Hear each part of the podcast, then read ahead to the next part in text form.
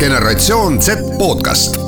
saade valmib koostöös Euroopa raadiote võrgustikuga Euronet pluss, mõista Euroopat paremini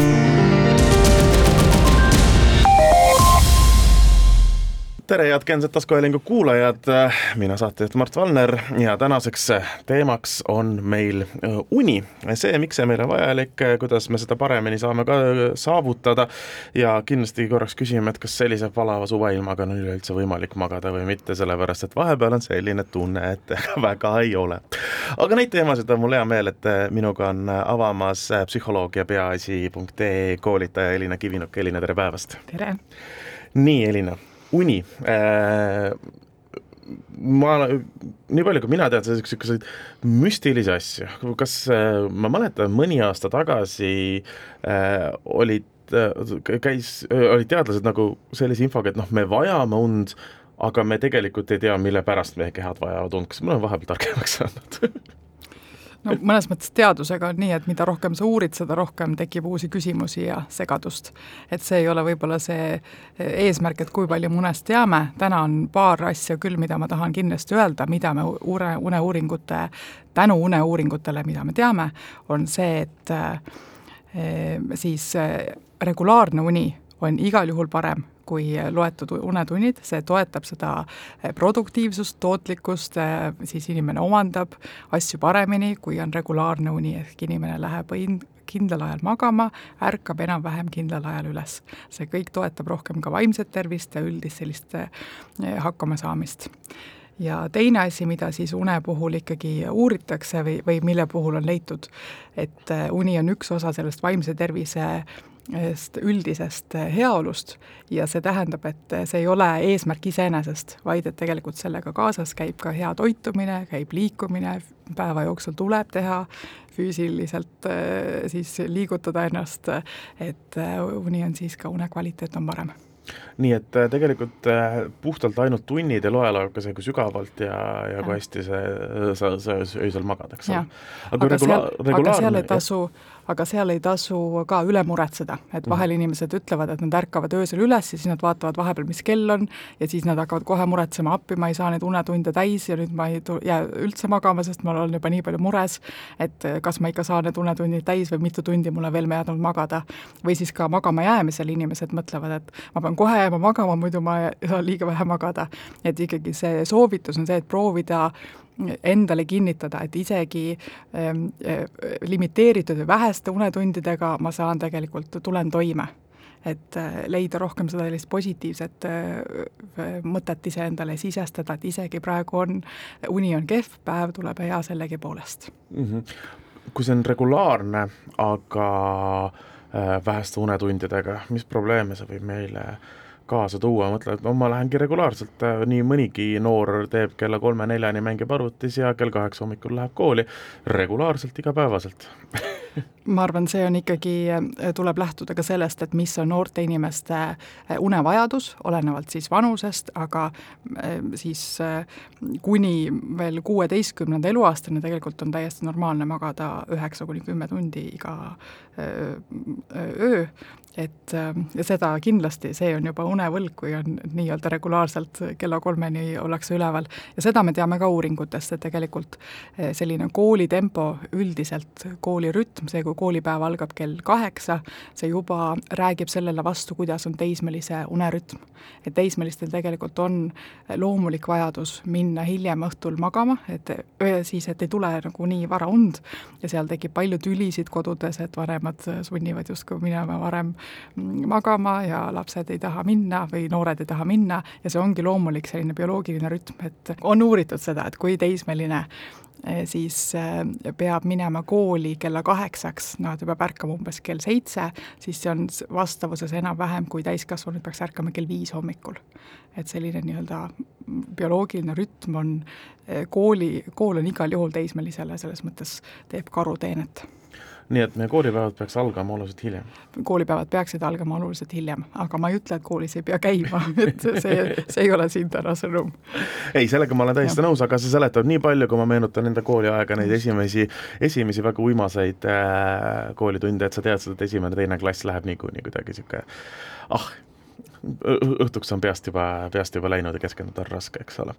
kas noored on oma uneteemadele ka kuidagi rohkem tähelepanu pööramas praegu kui, kui varasemalt, kui palju üldse näiteks uneprobleemidega psühholoogide juurde satutakse? Ma arvan, et uni on üks selline signaal, et vaimse tervisega üldiselt ei ole äh,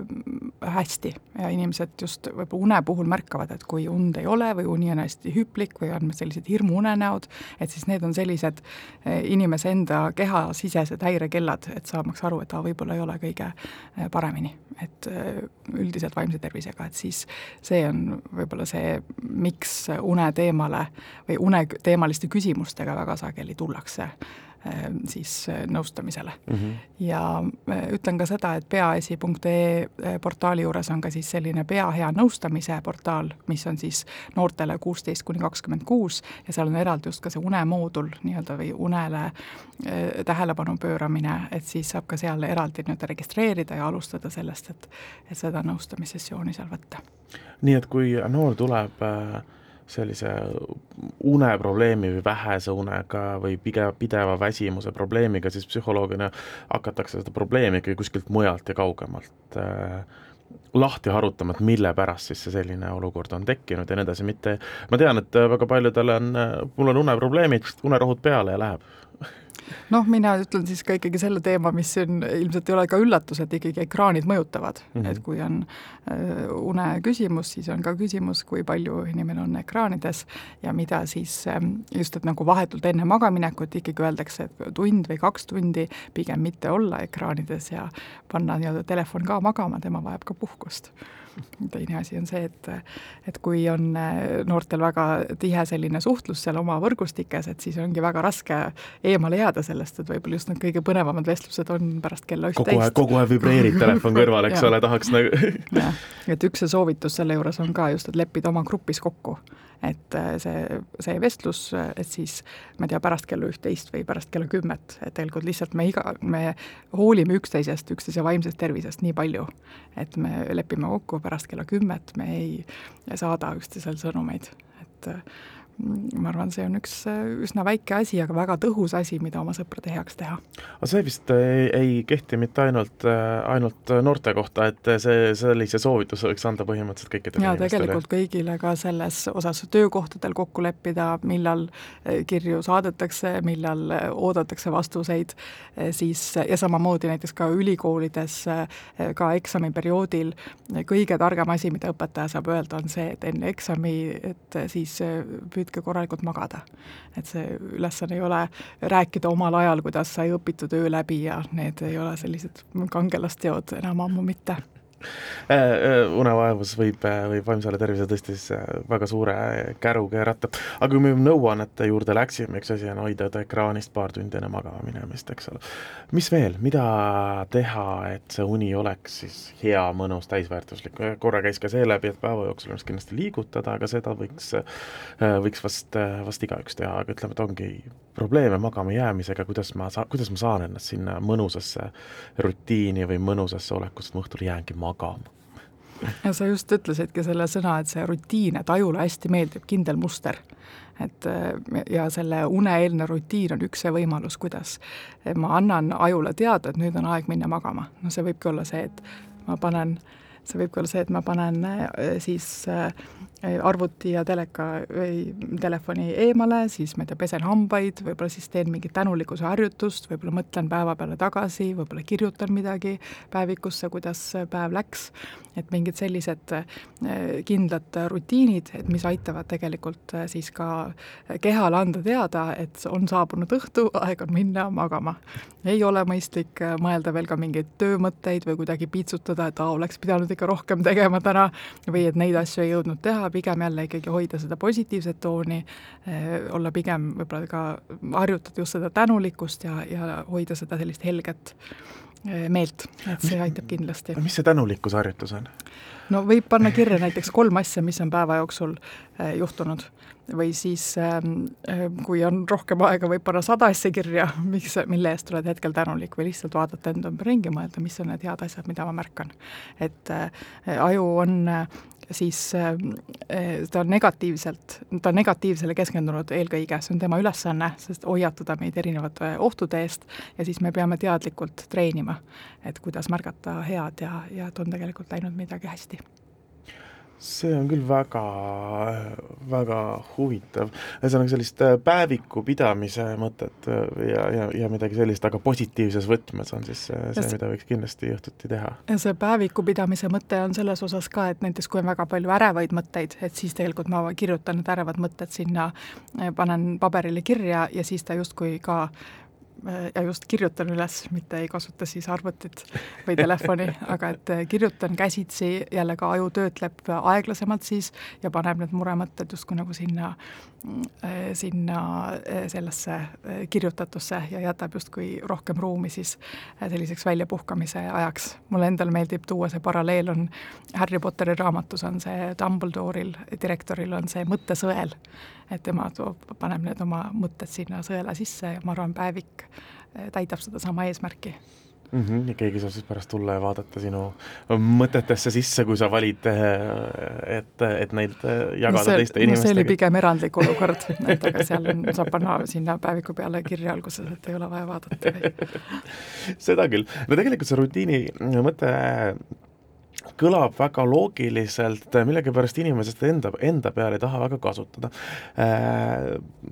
väikeste lastega väga palju lapsevanemad ju teavad, et, et laps läheks magama, et sul endal oleks õhtu lihtsam, sa pead äh, tekitama temaga rutiini ja siis ta on oma rutiinis ja siis ta läheb magama ja ta väsib ära juba peale seda vanniskäiku või mis iganes, eks ole,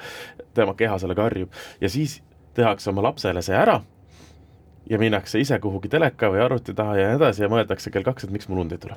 ja kuidas ma küll teha saan seda, et endal uni tuleks, eks ole. et kas, kas on see niisugune, niisugune tavaline, et, et, et inimene tulebki näiteks psühholoogi juurde ja see, et teil on võimalik talle öelda, et no aga vaadake, te, te, ju teete seda tegevust ise, tead, mida sa tegema pead no ja selles mõttes see on ka rutiin, et kui inimene on aru saanud, et või, või et tal on see harjumus, et mul on see oma aeg ja siis ma seda enda aega kasutan seal mm, ekraani ees, siis see ongi ju ka juba rutiini või selline harjumus, mis on tekkinud, et äh, tegelikult meie päev väga suures osas äh, koosnebki erinevatest harjumustest ja sellistest mustritest, mida me mm, alati ei teadvusta, miks me niimoodi teeme. see psühholoogi roll ongi mõnes mõttes teadvustada, miks me midagi teeme ja kas see on meile pikemas perspektiivis kasulik kui ma ei eksi, siis äh,, siis Jaapanis tuli mõni aeg tagasi välja uuring, ma võib-olla äh, panen siin nüüd riigiga mööda, aga põhimõte on selles, et äh, noortel, mitte ainult noortel, aga ka ütleme vanuses kolmkümmend äh, kuni nelikümmend, inimestel on tekkinud see probleem, et äh, neil on päevad ära sisustatud töö ja muude asjadega, need tekivadki, neil tekibki tunne, et mul see oma aeg, kus ma saan iseendaga olla, ongi ainult äh, õhtuti hilja või öösel, mistõttu võetakse ja pikendatakse oma seda õhtut ja ollakse seetõttu pidevalt äh, äh, unevõlas. kas see on, on, on reaalne olukord? ma ei ole selle uuringuga kursis, aga ma arvan, see võib küll olla seal põhjendatud ja selles osas ongi, et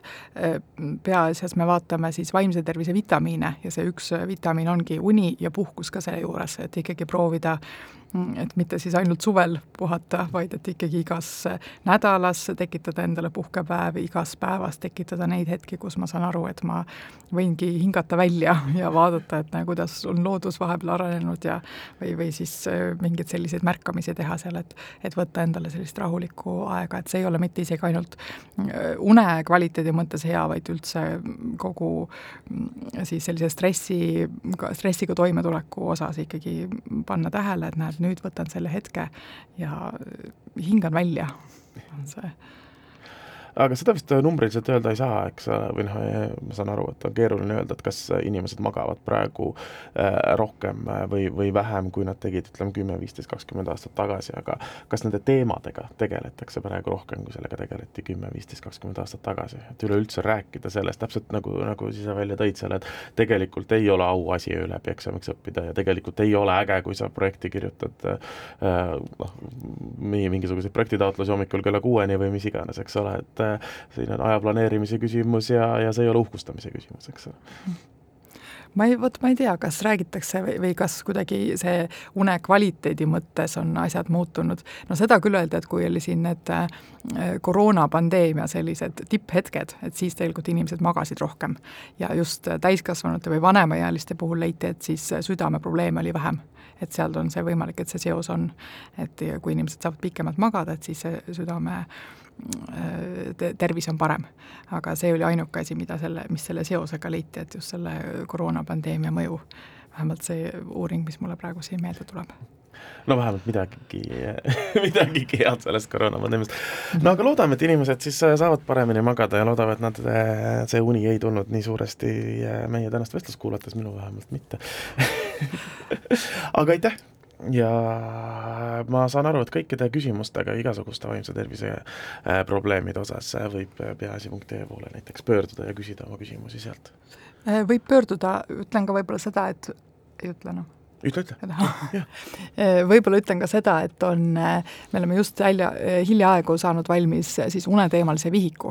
või töövihiku sellise just, mis pakutab, pakub selliseid eh, üsna praktilisi töölehti, aga pakub ka sellist üldist infot, et mida une jooksul või, või une kohta võiks igaüks teada. et siis on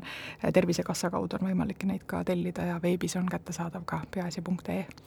kellel on küsimusi ja kellel on muresid oma une, unega, mina näiteks hakkan küll ühte päevikut arvatavasti varsti pidama, siis soovitame vaadata, aga Elina, aitäh täna tulemast! aitäh!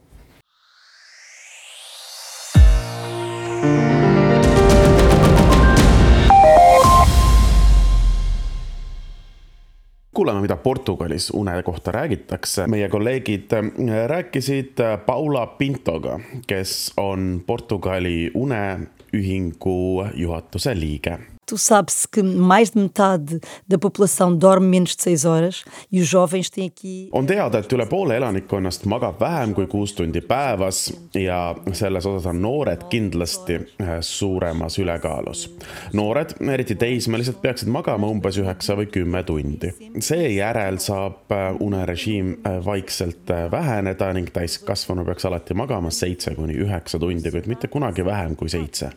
ideaalne on kaheksa tundi, kuid mida me tegelikult teeme? oleme kakskümmend neli seitse ühiskond, oleme pidevalt ühendatud maailmaga, peame kohe vastu võtma kõne, vastama e-kirjale, reageerima Whatsappi sõnumitele. kuna me ei saa lõpetada söömist, töötamist ega õppimist, võtame aega magamisest ja uneharjumusi oma päevakavadesse ei pane see on suur probleem. me peame enda päevakavasse planeerima uneaja ning ärkamiskellaaja. inimesed, kes ei maga, on konflikte tekitavamad, nad on agressiivsemad ja neil on ka äh, kurvem meeleolu, sest nad saavad aru, et nad pole produktiivsed. Neil on ka lühem mälu, vähem kognitiivseid võimeid ning nõrgemad tulemused koolis või tööl. teine probleem on tähelepanu hajumine, mis võib viia liiklusõnnetusteni. kui inimesed jäävad roolis magama, pikaajalise unepuuduse tõttu. rääkimata pikaajalistest tagajärgedest, kui tekivad mentaalsed haigused, depressioon, ärevus, paanikahood ja südameprobleemid nagu infarkt, insult, südamerütmi häired ja kõrgvererõhktõbi. ülekaalulisus on veel üks probleem, kuna inimesed tunnevad end pigem näljasena, kui nad on vähem maganud. ja veel üks väga oluline asi noortele kui nad ei maga piisavalt, väheneb nende viljakus, sest nii meestel kui naistel toimuvad hormonaalsed muutused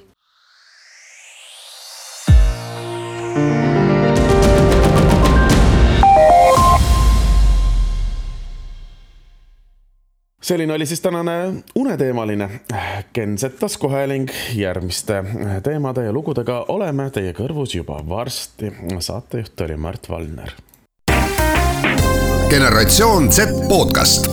saade valmib koostöös Euroopa raadiote võrgustikuga Euronet pluss, mõista Euroopat paremini